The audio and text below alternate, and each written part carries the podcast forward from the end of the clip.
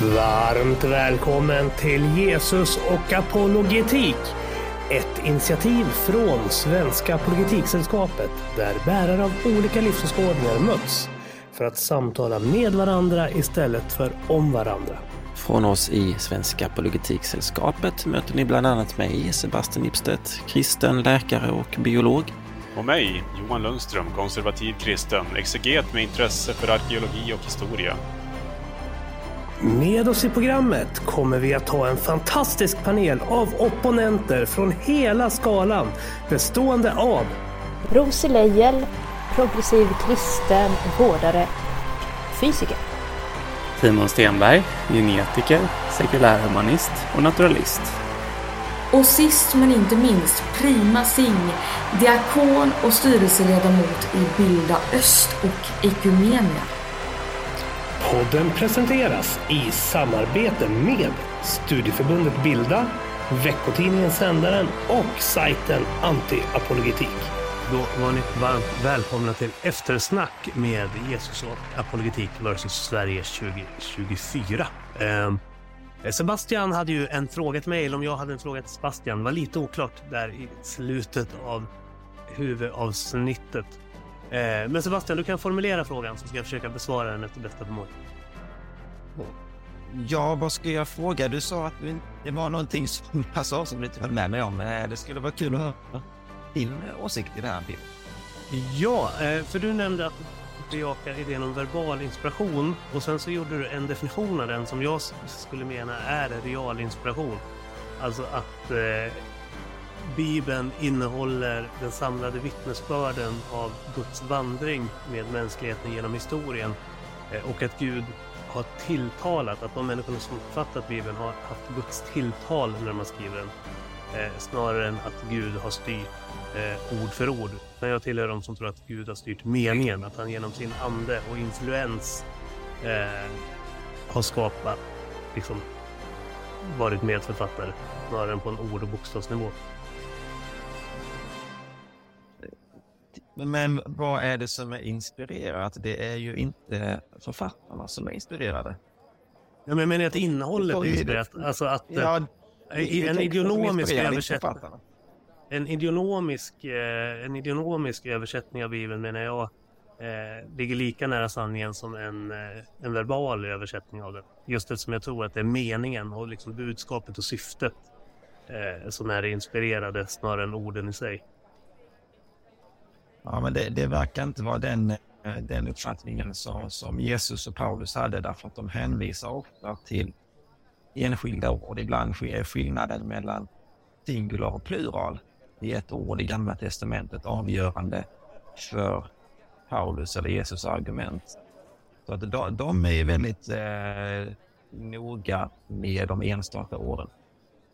Kan det vara så att det är viktigt just vid det tillfället? Att det inte betyder att varje ord är, eh, är viktigt på ordnivå. Eh, sen, du nämnde det här med att hela skriften är... Eh, hur var det du tyckte? Ja, hela skriften är inspirerad av Gud eller utan. Ja, ja, precis. En annan översättning av samma är ju att hela skriften är utandad av Gud. Alltså att Guds ande finns med i, i skriften. Eh, vilket ju då, jag menar, mer ligger åt det realinspirerade synsättet än ett verbalinspirerat synsätt. Jag har hört en översättning, om du ursäktar, jag har hört en översättning. Jag har hört en översättning där de säger, alltså det här är på engelska då, att eh, God's word is spirited out by, eh, the, the, the scriptures are spirited out by God. Alltså det, det är lite svårt att säga på svenska känner jag. Det är liksom eh, kanske lite så andat ut, men det låter ju mer som breathed out, så att jag vet inte. Ja, man, man ut, ju ett utflöde det. från, av Guds natur, av Guds vilja, av liksom Guds logos. Vi- Vi får väl fråga någon som eh, insatt i grekiskan vad, hur man bäst ska, ska översätta det. Men, men det kanske inte har så stor betydelse om man använder inspirerad eller utandad, tänker jag. Det betyder samma sak. Men det, jag tänker det blir en nyansskillnad. Just eftersom du tryckte på det här med verbal inspiration i kontrast till real inspiration. Ja, jag, jag ser inte skillnaden mellan inspirerad och utandad. Okej. Ja, ja. det kanske finns.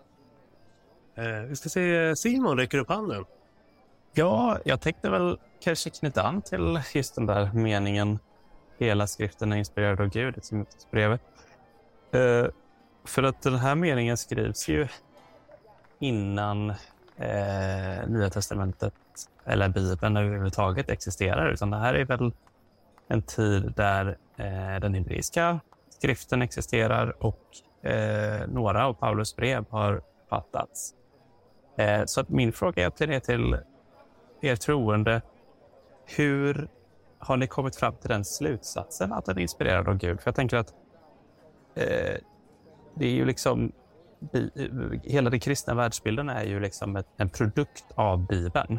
Eh, och eh, det känns som att man måste komma med något utanför Bibeln för att eh, komma till en sådan slutsats. Eh, när när den här, det här, eh, de här bibelcitaten kommer från en tid där det inte finns någon bibel. Så jag är nyfiken på att höra eh, hur ni tänker.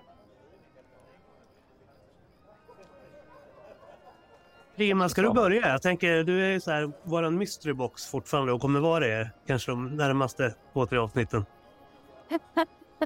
ja, absolut. Nej, men jag personligen så tänker jag ju att eh, alltså det, det är väldigt svårt för mig att tänka, alltså läser jag Bibeln eh, idag så betyder det någonting annat. Läser jag Bibeln imorgon så betyder det något helt annat eh, om jag läser ett avsnitt. Eh, idag vill Gud säga någonting annat till mig i den texten och imorgon vill Gud säga något helt annat till mig genom den texten.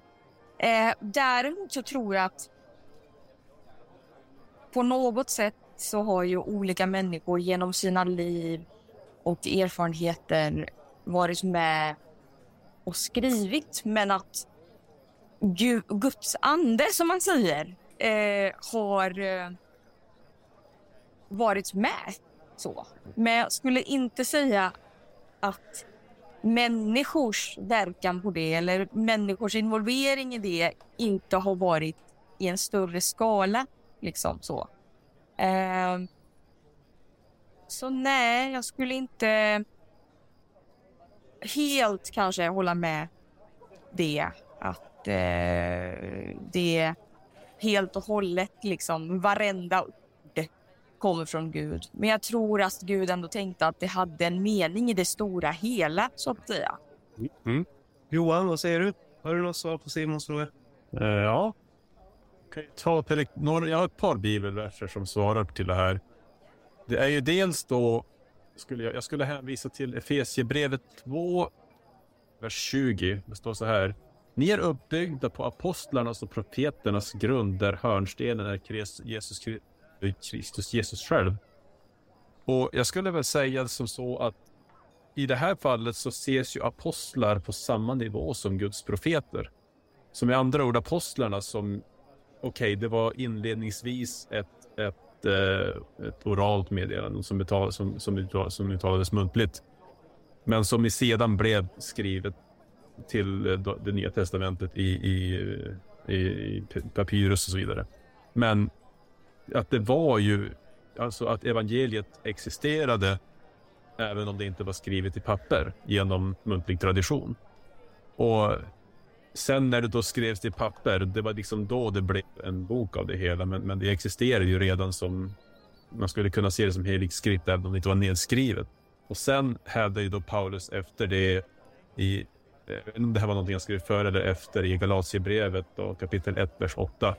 Men om någon eh, men om någon, om det så vore vi själva eller en ängel från himlen förkunnar ett annat evangelium än det vi har förkunnat för er, så må han vara förbannad.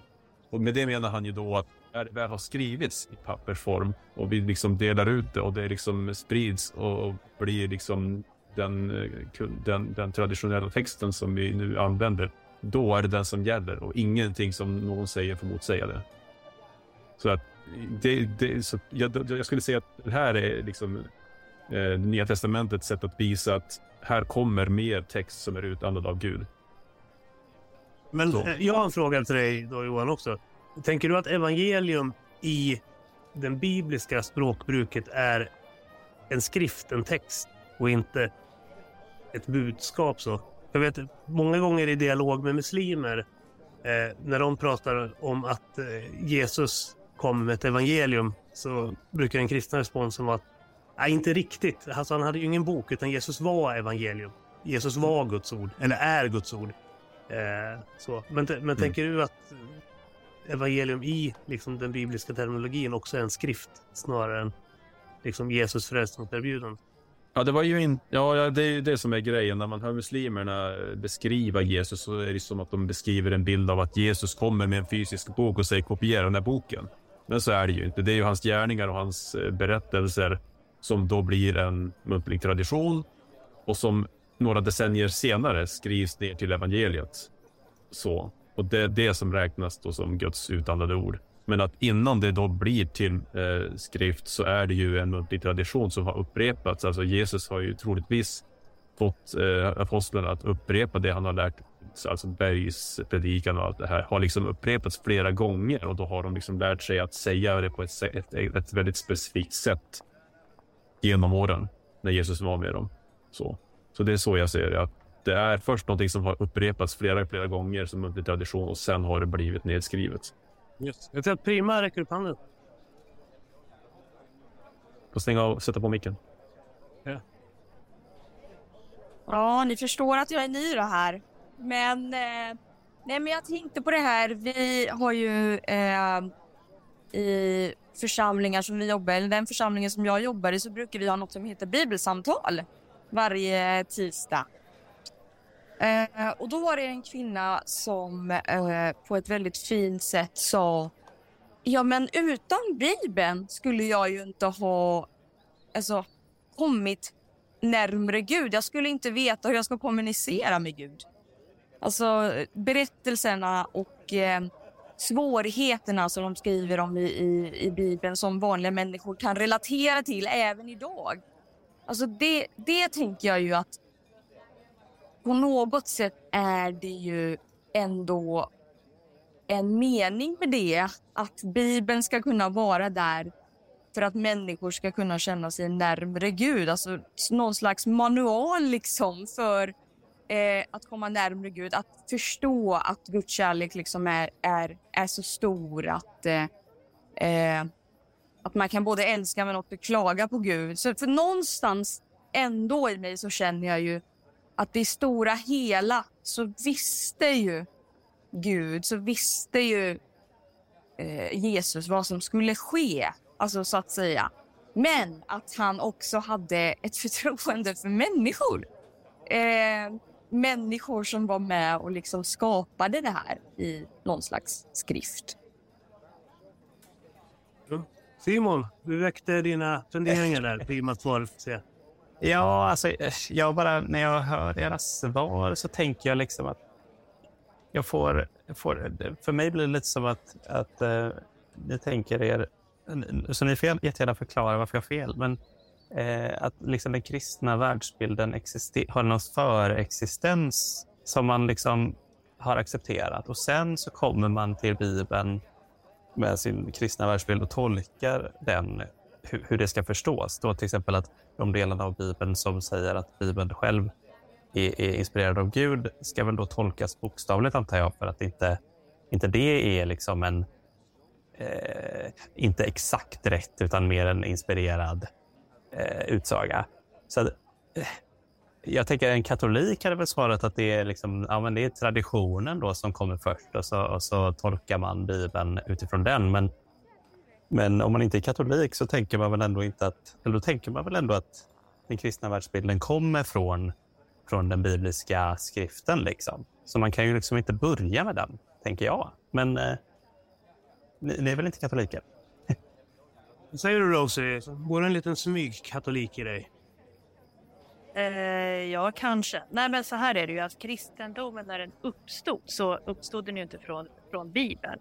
Utan Bibeln eh, alltså i alla fall Nya Testamentet pratar jag om här, skrevs ju ner efteråt. I början så förde man ju bara vidare ordet. Man förde vidare vad man hade hört Jesus säga. Eller vad man hade hört någon som hade stått nära Jesus säga. Eller vad man hade hört någon som hade haft en stark upplevelse då, som Paulus säga. Så, så att det var ju den traditionen. och Man var ju väldigt noga med detaljer. Och det vet man ju också att eh, förr i världen när inte allt skrevs ner så var det väldigt noga med att berätta i detalj och att föra vid, alltså berätta flera gånger, repetera. Man verkligen kunde berättelserna och sen föra vidare i detalj till nästa generation. Så det var ju en berättartradition eh, och det är den som sen har nedtecknats, framförallt i evangelierna som gör att eh, evangelierna är väldigt trovärdiga.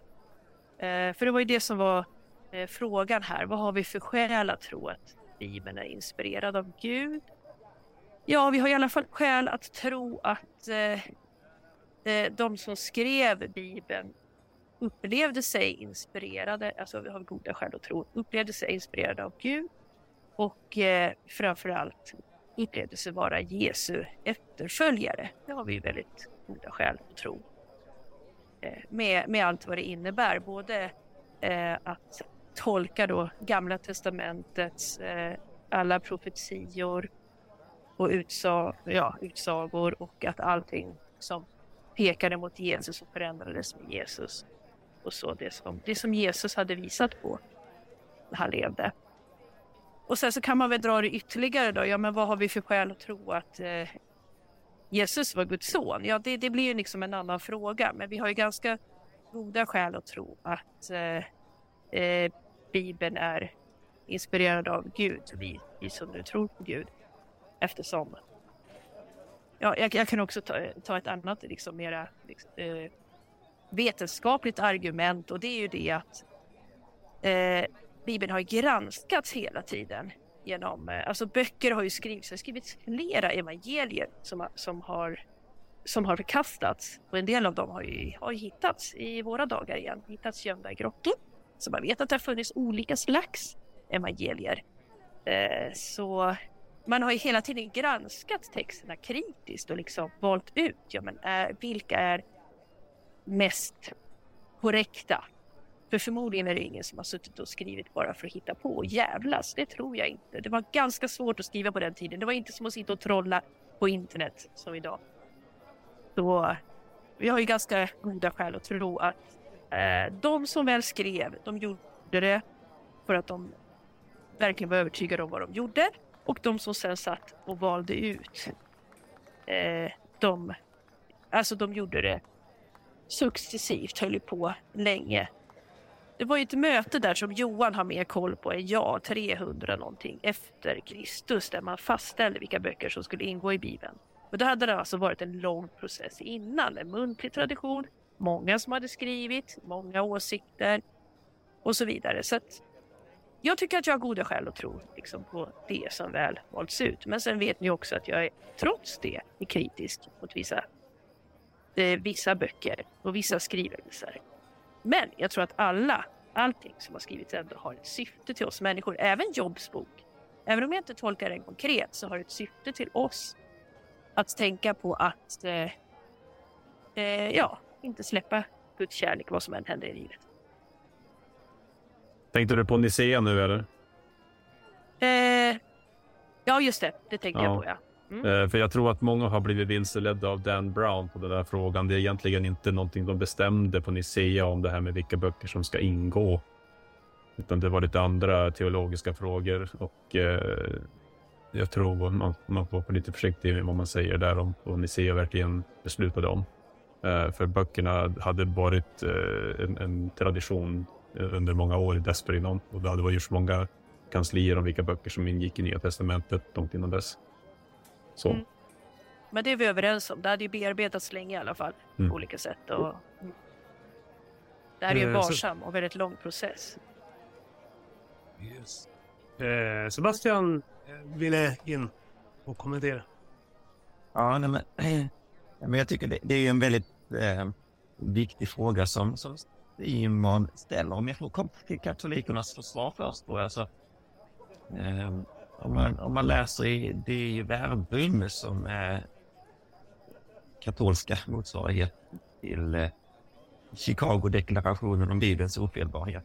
Så, eh, så står det ju där då, eh, om jag förstår den rätt, att både Bibeln och traditionen är auktoritativa. Men av de två så är Bibeln det primära. så traditionen kan inte säga Bibeln, utan då måste Bibeln gälla. Mm. Ehm, och Simons fråga då, varför ska vi tro på Bibeln? Ja, det är ju inte på grund av kyrkans tradition, även om kyr kyrkan traditionellt sett har trott på Bibeln. Då. Mm. och jag skulle vilja säga att det inte heller genom någon sorts blind tro, utan, utan det är genom ration, det finns rationella skäl till att tro på Bibeln. Och sen skulle jag vilja säga så här att vi tror inte på Jesus på grund av att vi tror på Bibeln, utan vi tror på Bibeln på grund av att vi tror på Jesus. Det verkar vara en ganska vanlig uppfattning bland, bland evangelikala. Eh, så vi tror på Bibeln på grund av den synen på Bibeln som Jesus hade. Jesus lärde att Bibeln var Guds ord, så därför bör vi tro på det. Och hur vet vi att Jesus lär, lärde det? Ja, men det är genom att vi betraktar Bibeln som vilket historiskt dokument som helst. Vi behöver inte betrakta Bibeln som Guds ord för att konstatera att Jesus trodde på, på Gamla testamentet. Det var liksom allt. Och det märks ju i, i, hur, han, hur han använde Bibeln och, och hur han, han levde efter den och liksom formade, sitt, formade sitt liv och sin personliga kallelse efter, efter skrift och förstod sitt eget liv utifrån det. Och sen när det gäller Nya Testamentet så, så tycker jag att, att Johan gav ett bra svar där. Att, att eh, apostlarna hade ju den auktoriteten som, som profeterna i gamla, på Gamla Testamentets tid hade. Så Jesus han, han förutsåg ju liksom förstås att hans liv skulle nedtecknas och han utsåg ju apostlar, gav dem auktoritet, uppgift att undervisa och predika. Det arameiska ordet då som översätts apostel, det innebär, liksom innebär, innebär då eh, att det liksom ligger inbakat i det ordet att den som eh, undervisar eller förmedlat budskap har samma auktoritet som den personen som han representerar. Då. Eh, så att jag skulle vilja säga att Jesus eh, gav apostlarna samma auktoritet som han själv hade att skriva ner budskap. Och de hade då, eh, fast då vissa kriterier, att de skulle ha liksom en, en, en historisk koppling till Jesus. Antingen har, har varit med Jesus eh, själva som, som lärjungarna var eller som, som Paulus, han mötte ju den uppståndne Jesus då.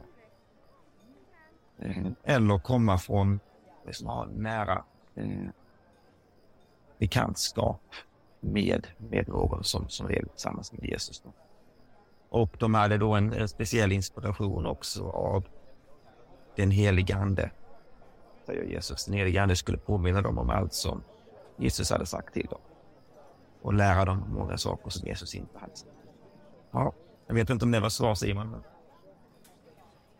Jo, Prima ville kommentera också. Sen Simon utveckla ifall han är nöjd med svaret eller ifall han har några följdfrågor. Vilket jag är övertygad om att han har. Jag skulle först vilja säga amen till vissa av saker som Sebastian sa nyss. Eh, det här med att vi, vi tror på Jesus. Eller vi, vi, vi tror på Bibeln för att vi tror på Jesus och inte tvärtom. Eh, jag tänker... Jag tänker lite, det, jag relaterar det till när Jesus säger liksom att sabbaten är till för människorna och inte människorna för sabbaten. Eh, på något sätt så tänker jag att vi har Bibeln för att vi ska kunna läsa den, tolka den, eh, lägga det i ett nuvarande samhällskontext och utifrån det på bästa sätt kunna göra någonting med det som vi läser. Och inte liksom läsa det för den, för den sakens skull utan kunna använda det i, i, takt med, i takt med samhället, i takt med människorna omkring oss. Eh, ja, det är väldigt viktigt att, att Bibeln inte blir någonting eh, ja, men det, det skrivna ordet bara för att vara där och inte liksom, ja men evangeliet men inte att kunna levandegöra evangeliet på något sätt utan jag tror att det är det Bibeln är, finns där för också. Innan jag släpper in Simon, det finns ju såna här catchy pastorsfraser som det går trender i och eh, eh två fraser som är väldigt populära just nu är dels att eh, vi tror på Gud med Bibeln snarare än att säga att vi tror på Bibeln och sen att Bibeln är, skriven, är inte skriven till oss, men den är skriven för oss. Eh, vad är era tankar kring de här catchy modefraserna? Men först släpper vi in Simon. Ja, alltså, ja, eh, ja tackar för era svar. Jag känner... Eh, först skulle jag bara vilja kommentera. Jag håller med Johan i att jag tror att det är en myt att eh, eh det här kanoniseringsprocessen hade någon, någon peak i Nicea. Men eh, kanoniseringsprocessen tog ju väldigt lång tid och var otroligt eh, eh kontroversiell. Eh, om man var kristen cirka år 200 så var det ju inte, det var inte klart att man hade fyra evangelier. Det var inte klart att Gamla testamentet överhuvudtaget skulle ingå i kanon. Och när eh, diverse människor har bränts på bål och så vidare så eh, för att kämpa för sina åsikter så har ju man ändå landat i massa olika kanor där olika böcker ingår och andra inte. Eh, så att, eh, det är också svårt tänker jag, att prata om, om, om det som liksom helhet. Det är liksom de böckerna som inte ingår i den protestantiska bibeln. Är de också lika inspirerade av Gud? Eh, har i så fall, eh, och, då, och då är också kyrkan fel om de Eh, böckerna. Men jag tycker det... Eh, just det här citatet, alltså att, att vi tror på Bibeln för att vi tror på Jesus, tror jag eh, illustrerar väldigt väl vad jag tänker är lite cirkulärt. Som jag tror min fråga handlar om att, jag menar, okej, okay, vi, tror på Jesus först och, sen så, för, och därför så tror vi på Bibeln. Men allt, allt man vet om Jesus eller liksom som man tror sig veta om Jesus. Allt Jesus sa, allt Jesus gjorde, allt Paulus sa, allt Paulus gjorde, det kommer ju från Bibeln. Så eh, om man inte har Bibeln, eh, har man någon uppfattning om vem Jesus är, vad Jesus sa, vad Jesus gjorde, för att sedan då komma till Bibeln och liksom, eh, ah, den här stämmer, så jag tror på den här eh, mannen. Eh, ja. Jag bara, förstår ni hur jag tänker att det är cirkulärt? Eller, eh, det finns kanske en förklaring, men det, det, det är problemet jag ser som, som jag inte tänker har ett riktigt svar än i alla fall. Ja, jag tänkte Rosie, du kan väl få pröva att svara på Simons invändning där. Din mikrofon är av, Rosie. Sådär ja. Nu, nu vart det bättre. Ja, för, först så är det ju som Simon säger. Först måste man ju ha en tro. Sen vända sig till Bibeln. Så är det ju. Varifrån kommer den här tron? Det låter på dig Simon som att du menar att det är cirkulärt. Att man läser Bibeln och sen möter, möter vi Jesus genom Bibeln.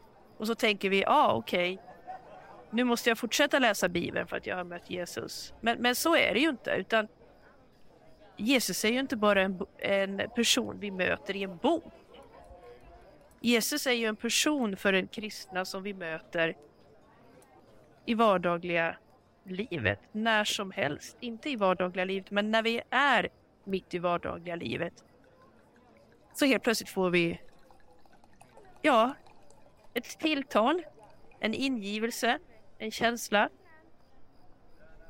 en liten uppenbarelse av att det finns någonting annat än oss. Vi upplever att denna, detta någonting annat, lite flummigt blir det här nu, men alltså i grunden så är detta någonting annat det vi tror på och vi tror att det är Jesus. Och eh, eh, med tiden skapar vi en relation till Jesus. Och därifrån så kan vi slå upp Bibeln och läsa Jesu ord. Och uppleva att ja, just det, det var ju han vi upplevde i våra hjärtan när vi mådde dåligt eller när vi hade ett bekymmer eller bara från ingenstans har det hänt, i alla fall mig, att jag har upplevt eh, Jesu tilltal. Så att eh, i den privata upplevelsen så börjar det ju, anser jag. Och, och därmed blir det inte cirkulärt, alltså för mig som medmänniska. Och jag tycker heller inte att det är cirkulärt historiskt sett eftersom man vet att olika evangelier eh, skrevs genom eh, århundraden, alltså allt eftersom kristendomen utvecklades. Så då var det ju så att folk hade sin tro först och sen började skriva ner Bibeln. Så att cirkulärt är inte. Först är ett möte med Jesus. Sen går vi tillbaka till Bibeln. Eh, Primo och Sebastian vill in innan Simon får svara det. Sebastian, ska du börja? Ja. Ja, nu fick jag ju massa fler saker att kommentera här. Det Rosie sa då nu. Mm. Nej, men jag, jag förstår Simons eh, eh, oro här kring, kring cirkularitet. Men din fråga Simon, var, varför ska vi tro att Bibeln är Guds ord?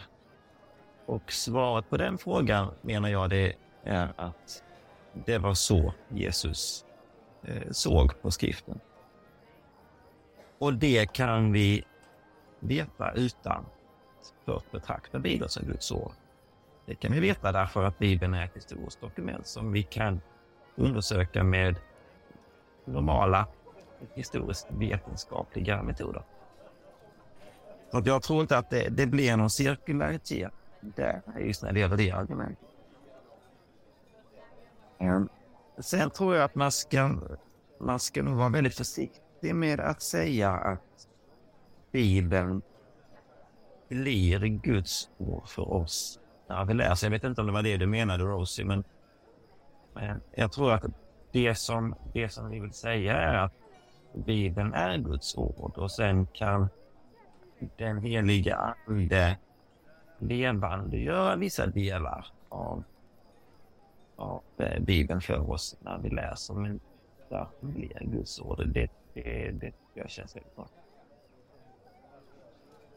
Och jag, jag, tror, jag tror inte att, att eh, Nya testament, eh, evangelierna i alla fall, formades under hundratals år efter att Jesus eh, levde. Därför att eh,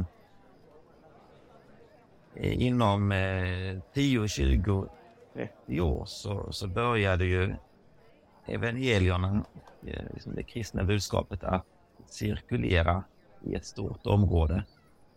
Kristendomen spreds ju snabbt.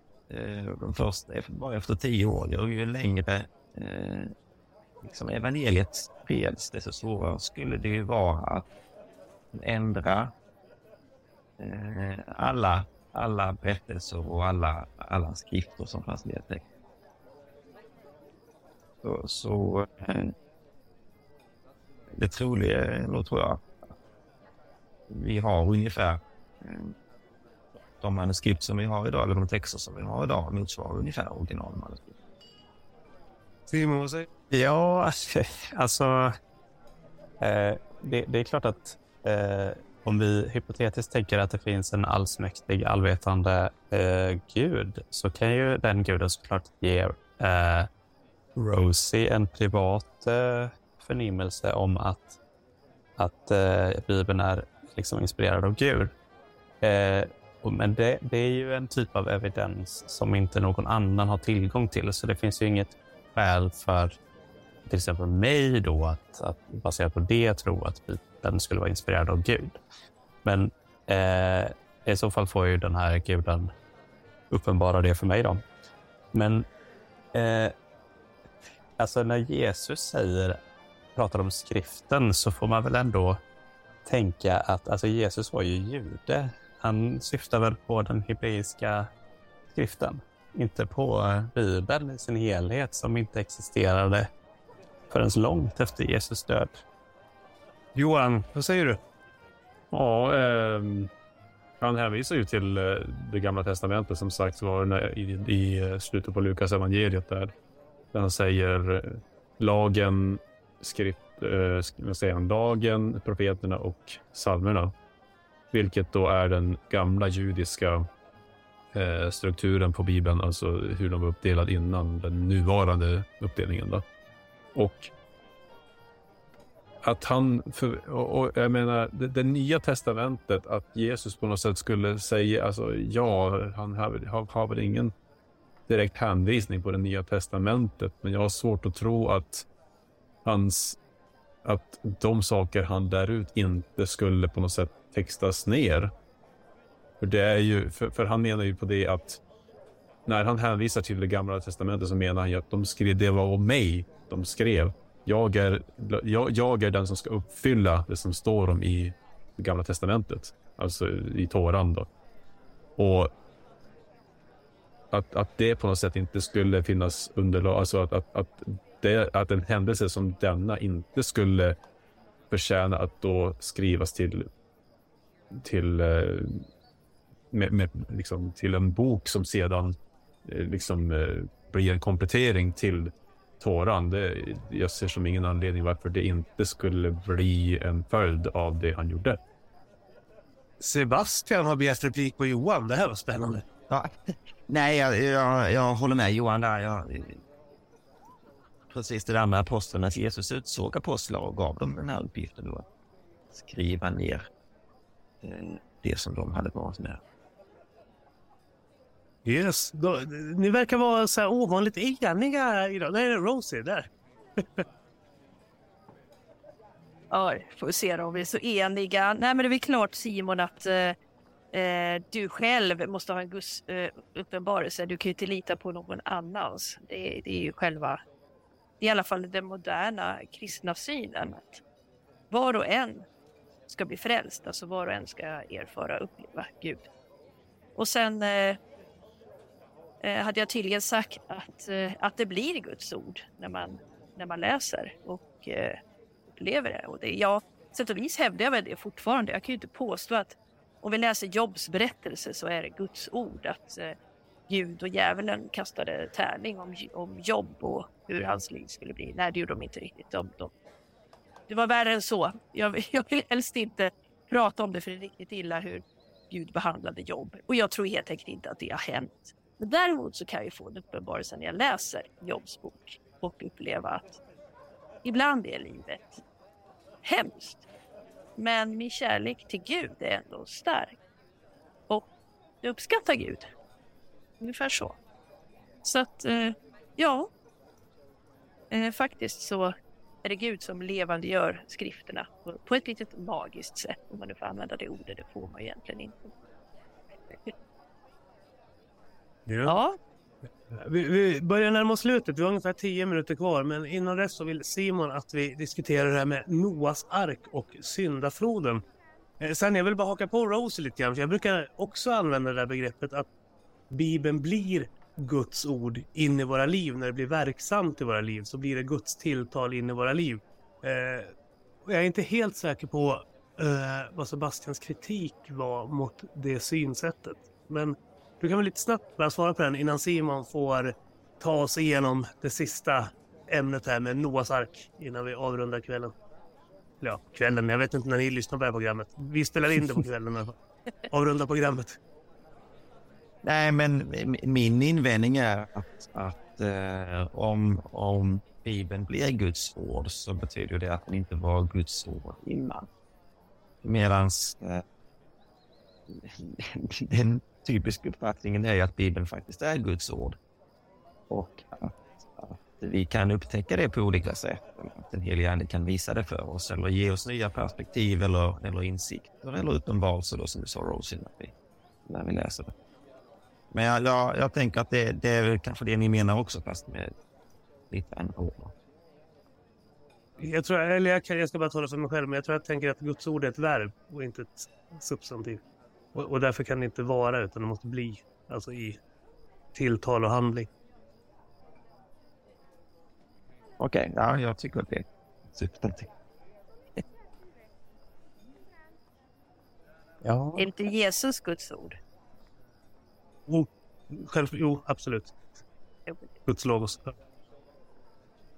det är därför jag menar att det blir Guds tilltal in i våra liv. Alltså när vi, när vi läser vittnesbörden om Guds vandring med mänskligheten genom historien och Guds eh, Jesus glada budskap till oss människor. Ja. Det blir ju inte ett glatt budskap förrän det landar i oss liksom, och blir ett värde på verksamt. Och då är det bara text. Men ja, men det håller jag med om. Det måste tolkas med hjälp av den helige Ande. det är prima. Sen, sen måste vi hinna med Noah här, för annars blir Simon besviken. Sen skulle jag säga att eh, Bibeln är ju trots allt den eh, liksom, eh, mest lästa boken i hela världen. Och på något sätt, det, bara det visar ju bara liksom att den talar ju till fler människor. Även om inte de, även om inte de tydligt har mött Jesus eller kristendomen än, så, så talar ju den boken ändå på något sätt. Och då kan man ju undra, vem är det som talar då? Så att säga. Ja, jag får väl då ta den här eh, eh, facklan, eh, eller vad man ska säga, och fråga. Tänker, jag tog det som exempel på just syndafloden att det kan vi ganska, med ganska god säkerhet veta inte har hänt. Eh, eftersom att, eller ja, om man då tänker sig en liksom världsomvidande översvämning som förintar allt liv på jorden förutom eh, enstaka par av alla organismer eh, och, och, en familj människor. Eh, och Det här går ju emot ja, i princip allt vi vet om eh, vetenskap. Eh, det är en eh, geologiskt, biologiskt eh, och eh, historiskt och arkeologiskt eh, kan det inte ha hänt. Så Johan, hur, hur förhåller du dig till en sådan berättelse som ändå har någon form av ja, teologisk poäng i, i Gamla Testamentet?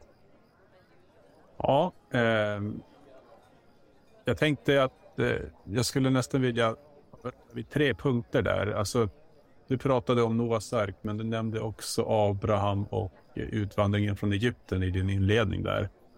Och egentligen så skulle jag vilja röra vid alla tre, men jag antar att vi, vi, vi rör vid Noas ark för tillfället. Um, det, är ju, det är ju dels den svåraste punkten att röra vid eftersom att det är den äldsta händelsen av de tre.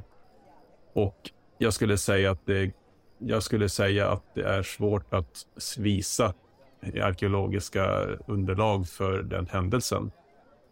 Sen har jag börjat ha en lite um, annorlunda syn på syndafloden än vad, vad många har idag. Alltså det finns, jag, jag, tror vissa kan se mig som en heretiker när jag säger detta. Men jag misstänker att Noas ark eller syndafloden var inte eh, global. Alltså det vill säga, det skedde inte på en hel världstäckande yta, utan det var egentligen bara tillräckligt bred yta för att omfatta den del av världen som hade blivit bebodd av människor. Alltså tillräckligt bred, alltså det var en stor, eh, alltså syndafloden var stor, det var ett stort område. Men att den var inte så stor som att den täckte hela världen. Och det är anledningen, jag har lyssnat lite grann på en karl på Youtube som heter Gavin Ortlund som har en Youtube-kanal som heter Truth Unites. Och han har gjort eh, flertalet videor på varför han tror att eh, översvämningen är eh, en, en, en, eh, alltså att den täcker en stor yta. Men att det inte är hela världen. Och, han menar, och hans argument är att vi måste lägga till så många mirakel som inte är omtalad i Bibeln. Eh, för att det ska kunna bli en global översvämning. Vi måste lägga till saker som att alla djur i världen har satts på arken. Liksom även från Australien och, och ställen som eh, Amerika och så vidare. Vi måste lägga till saker som att, att det är mer vatten som täcker hela planeten än som möjligen existerar på jorden. Och jag ska inte säga att det inte har hänt. Jag menar, det kan vara så att Gud har skapat vatten som kom till existens under en tid och sen försvann. Det, det är inte helt omöjligt. Men Men, men alla sådana där saker som, som man måste liksom lägga till blir nästan bisarrt många om man ska se det så. Att det var liksom världstäckande. Och... Eh, En fråga bara till dig Johan. Innebär det att du har lämnat den mer traditionella kreationistiska berättelsen om att det vatten som fanns vid syndafallet liksom låg som ett dimhölje runt jorden och skyddade människorna från radioaktiv strålning från solen, vilket då brukar användas som förklaring till att människor var äldre före Noa medan efter Noa så blev de successivt yngre och yngre på grund av att den här radioaktiviteten ökade efter att dimhöljet hade liksom gått ner. Jag har, väl aldrig, jag har väl aldrig sagt att jag är den typen av kreationist. Alltså jag har väl en gan... Nu kanske jag använder ett, jag vet inte om det är ett opassande ord, men jag ser mig själv lite grann som en agnostiker när det kommer till huruvida eh, världen kom till via den kreationistiska synen eller den darwiniska evolutionssynen. Eh, för mig spelar det ingen roll om det är det ena eller det andra, för det påverkar inte huruvida det Bibeln gör anspråk på är sant eller inte. Och jag vet att många kommer då fråga saker om hur kan jag, hur ser jag då på saken som Adam och Eva och den berättelsen. Eh, men det finns svar på dem. Det finns modeller som, som, som eh, talar om hur det här går, hänger ihop. Och jag skulle hänvisa till sådana som eh, Joshua Swamidas, hans bok som heter The Genealogical Adam and Eve. Han pratar om det där. Det finns många ställen, många saker jag skulle hänvisa till. Jag skulle hänvisa till, vad gäller syndafloden skulle jag hänvisa till Uh, Inspiring Philosophy. Han argumenterar också för att uh, syndafloden inte var global. Så att eh, det finns många människor som, som liksom visar hur allting hänger ihop och liksom tar med alla tänkbara vändningar och, och sådär. Så att uh, jag tror definitivt man kan ha en, en biblisk syn på att det Bibeln säger är sant och är historiska händelser och ändå inte liksom eh, att det motsäger det vi vet inom arkeologi och, och historiska fynd och så vidare. Episod 5 avsnittet då vi alla drogs in mot den teologiska mitten, verkar det som. Men Rosie? Ja, jag tror faktiskt det också. Ja, nej, men för att eh, jag håller ju med om att det, är en bisarr berättelse det där om att ta med eh, ett eh, handjur och ett hondjur eh, av alla djur på hela jorden. Jag, jag tycker det är ett väldigt intressant exempel att det finns ju bara pingviner på södra, eh, södra halvan av jorden, alltså, vad heter det, Sy Sydpolen. Och så finns det ju bara isbjörnar där i Nordpolen till exempel. Det blir väldigt svårt att åka båt och hämta upp alla, så det har ju såklart inte hänt. Men jag har faktiskt tänkt som Johan, att det kan faktiskt ha varit en översvämning. Därför att jag tror, det måste jag också säga eh, till alla artister, jag tror ju inte, även om jag har en väldigt liberal och fri syn på vad som har hänt i verkligheten eller inte i, Bibeln, så tror jag faktiskt inte att alla påhitt är tagna i luften. Jag tror inte något är taget i luften. Utan jag tror ju på sätt och vis att, att det, har, det har blivit en översvämning, det byggdes en båt, den flöt bra, han tog med sig sina eh, kor, sina getter och sina höns. Så de överlevde och så var det jättebra sen när floden hade lagt sig så att de kunde fortsätta, eh, fortsätta överleva den familjen. Alltså, och sen så har det liksom utvecklats med åren då till att bli en stor legend om Noa. Det är, det är så jag tror alla bibliska berättelser har utvecklats. För att jag tror inte människor inte ens på den tiden att de var intresserade av rena sagor. Så jag kan bli ganska provocerad av att Ingstedt säger att ja, men allt som står i Bibeln är bara sagor. Därför att de, de gillade legender, de gillade... Eh, det skulle ju vara liksom lite extra, extra allt när det berättades. Men det, men det, det måste ju ändå varit något som hade berört. Det måste ha varit en riktig översvämning som berörde dem. Så ja, vi hamnar väl alla i mitten idag då. Simon som sticker ut. Ja, alltså... Jag får väl då ifrågasätta lite liksom hur eh, få detaljer måste, kan stämma för att hävda att en händelse har ägt rum. Om vi säger att Noas eh, eller syndafloden har ägt rum för att någon typ av översvämning någonstans har hänt. Så jag menar, om vi ska ta...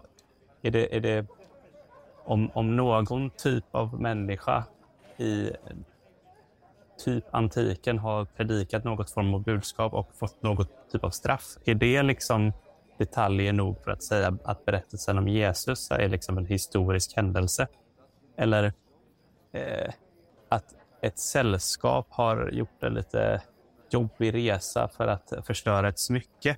Är det liksom tillräckligt för att säga att, att eh, Sagan om ringen är liksom en historisk händelse? För att någonstans så blir det att man liksom, alltså man kan ju ad hoc eh, tänka att man plockar bort så mycket som möjligt för att det ska bli liksom en trovärdig berättelse. Men någonstans måste det ändå finnas någon form av eh, mer, tänker jag, än att bara det har ägt rum någon typ av översvämning. För det, det eh, sker ju hela tiden, så att säga. Eh, och är ju ingenting eh, spektakulärt eh, så sett. Det, det spektakulära är ju att, att eh, man påstår att hela livet på, på jorden utrotas och att liksom det är liksom en omstart och en, att regnbågen fungerar som någon form av hot om eh, att eh, skärpa er. Eh, så eh, ja, eh, är det verkligen att säga att det har hänt? Vad säger du Sebastian, räcker det att känna till någon som har bott under en trappa och sen blivit antagen till Battle School of Superficial Ministry? Nej, vad heter det? Super Magical Ministry för att hävda att Harry Potter är sann. ja, just det. Nej, men eh, jag har ju då till skillnad från, eh, från Johan haft uppfattningen det, det har varit en, en världsvid översvämning. Men, men som, som Simon helt korrekt påpekar, det går ju inte ihop med vetenskapen. Eh, och jag tror inte vi ska liksom låta, låta vetenskapen diktera vår bibeltolkning utan Bibelns bibeltolkning ska styras utifrån exegetiska principer. Men jag tänker två saker här. För det första så behöver man fråga sig vad eh, menar Bibeln när den säger att hela jorden översvämmades? När det står alla, innebär det alla då? Det står till exempel att hela världen skulle skattskrivas. Betyder det att aboriginerna kom och skattskrev sig? Eh, eller att hela världen kom för att lyssna till Salomos vishet. Kom eh, liksom indianerna från Nordamerika? Nej, men det, det var det ju inte, utan, utan det här är liksom som det står då i Chicago-deklarationen om, om, om Bibelns ofelbarhet så behöver man ta hänsyn till genre och, och, och eh, stilar, alltså hyperbol, hyperboler till exempel. Det var ett, ett, ett, ett stilgrepp som man använde för att beskriva saker och ting. Då. Eh, och då kan jag ju hänvisa till samma personer som Johan hänvisade till. Jag kan lägga till eh, John Walton till exempel då som, som menar att det var, en, det var en stor översvämning och det vet vi att det var i ungefär 10 000 år sedan kanske är det den som, som handlar om kanske en översvämning. Eh, men att man beskrev detta på ett, på ett liksom medvetet överdrivet sätt Därför att syftet är inte att ge liksom en naturvetenskaplig beskrivning utan att ge en teologisk beskrivning av en historisk översvämning. För att visa på, på vissa teologiska poänger som har att göra med, med hur viktigt liksom synd, synden är eller eh, Guds dom och, och Guds nåd, Guds räddning och sådär. Att det finns en teologisk poäng i detta och att när folk läste detta då begrep man att det här, detta är liksom ett, ett hyperboliskt sätt att beskriva det. Och det andra som jag vill säga då är eh, det hebreiska ordet för Eh, jorden, Eretz, det betyder ju oftast ett begränsat landområde. Det betyder ju inte hela jordklotet. Det betyder ett begränsat land. Det behöver man också Eh, så att jag, jag tror att, att, den här texten är eh, korrekt, stämmer, men man behöver läsa den så som författaren avsåg den skulle förstås och inte enligt ett modernt naturvetenskapligt sätt, för då blir det fel. Eh, vi ska släppa in Rose snart, men jag tänkte Prima, du har inte fått kommentera hur du tänker kring de här eh, mer legendariska berättelserna i början av Första Mosebok. Ja, alltså, nej men jag tänker ju så att eh, eh, oavsett vad, vad som står så tror jag ändå att det är inspirerat av verkligheten. Men det beror ju helt på hur mycket författaren har lagt eller försökt betona just, just eh, de sakerna som står. Eh, det behöver inte alls ha varit på samma sätt och så.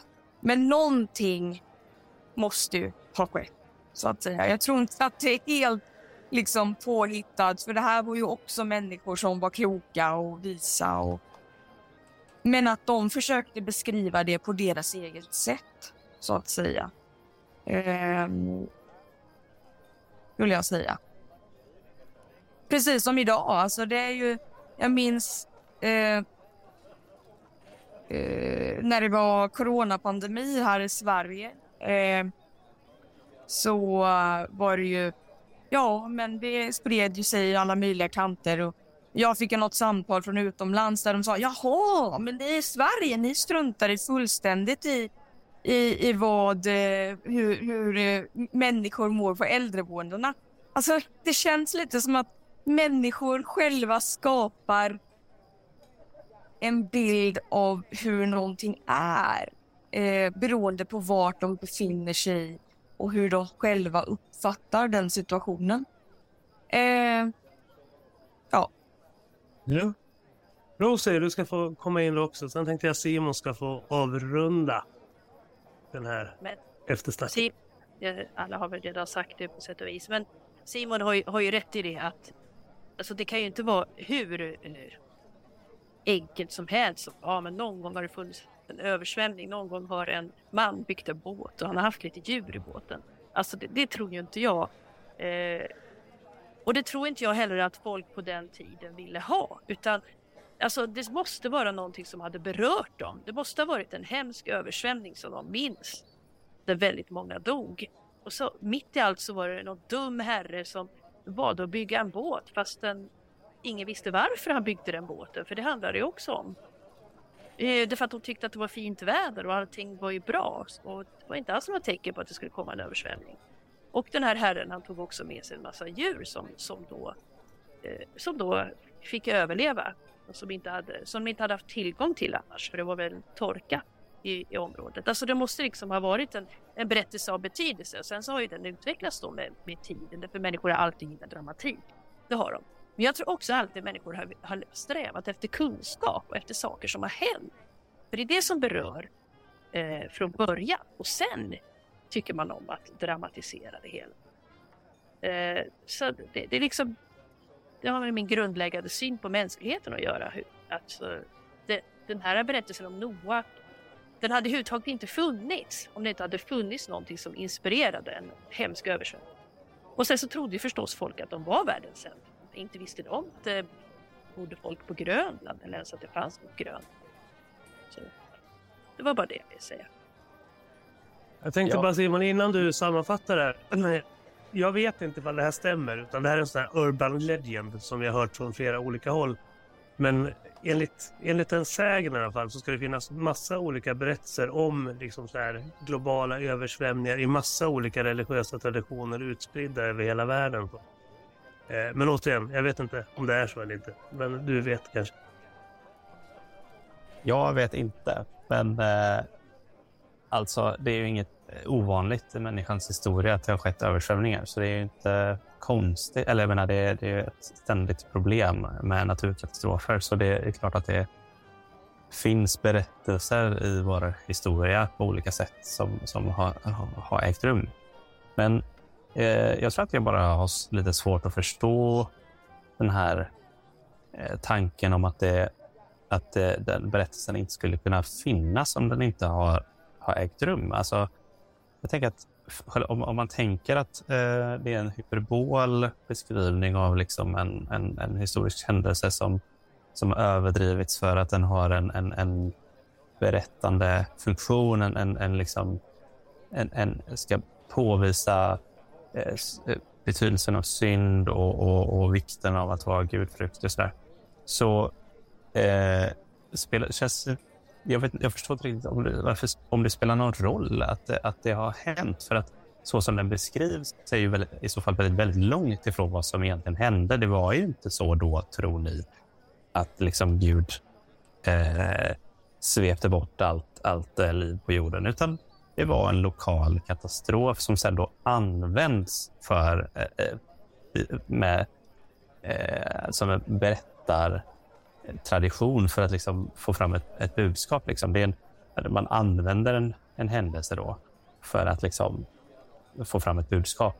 Och då spelar det ju liksom inte så stor roll om det har skett eller inte. Så att, eh, jag vet inte, jag, jag tänker att jag, och jag tror att ni är helt, eh, alltså det är fullt rimligt att, att hålla den, alltså göra den tolkningen att, att det är en hyperbol i så fall. Men ja, jag skulle nog bara säga att det inte har hänt, men att liksom Eh, eh, för mig blir det bara lite konstigt att liksom eh, se på historiska naturkatastrofer och tänka att ja, men det är säkert någon av dem som har inspirerat den här historien. När det liksom känns som att det, det är så pass långt ifrån händelsen så att ja, det är inte den händelsen längre. Liksom. Men ja, jag, jag tycker ändå att eh, det, det, är en, en, en rimlig eh, hållning att, att liksom tolka det på det sättet. Eh, men jag, jag förstår inte riktigt kopplingen till, till verkligheten. Jag ser att det är många händer i luften, men jag tänker att det kan vara ett utmärkt underlag till fortsatta samtal i kommentatorsfälten. Antingen i Livets frågor eller i Svenska politiksällskapets Facebookgrupp. Där även du som lyssnar är varmt välkommen till att vara med i samtalet. Men jag måste bara fråga, Johan Lundström har suttit och imiterat en känd riksdagsman från Ny Demokrati under stora delar av programmet där i någon form av gestaltningsteater. Vad, vad är det du håller på med? Nej, men jag kände att jag ville reagera på det du sa om det här med berättelser från, eh, tid, från andra eh, religiösa eh, åskådningar och sådär. Alltså just det här med just det här med att det finns berättelser som liknar Noas ark. Alltså typ eh, Gilga, äh, Gilgamesh till exempel. Eller eh, jag kommer inte ihåg vad de andra hette, men det finns några fler exempel också.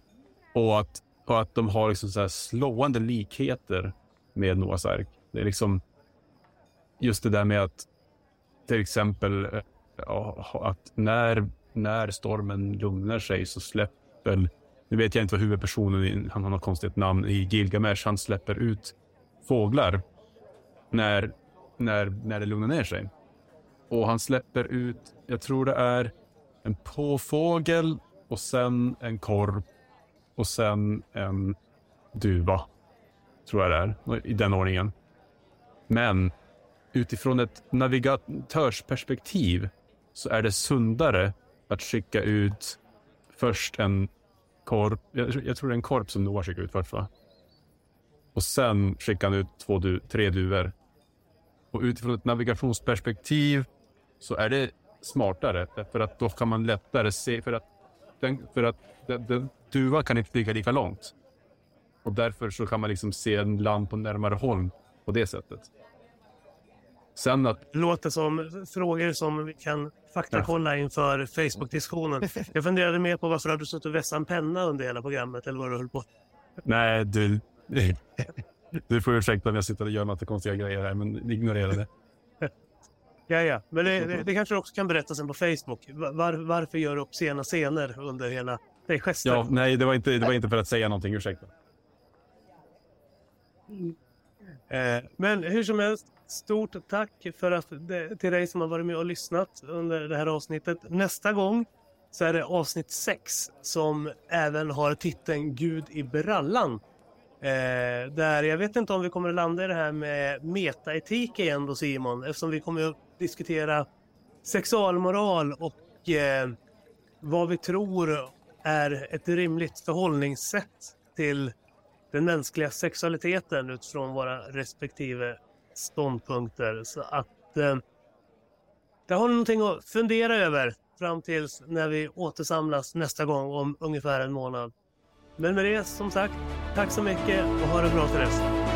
Tack, tack. Tack så mycket. Hej! Robert Tjernberg här, chefredaktör för tidningen Sändaren.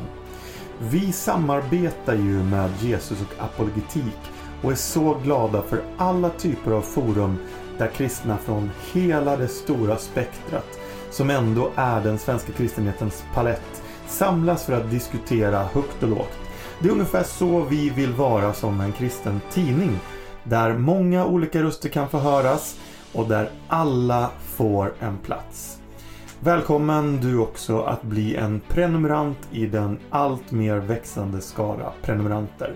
Sandaren.se prenumerera och ha en riktigt fortsatt bra dag.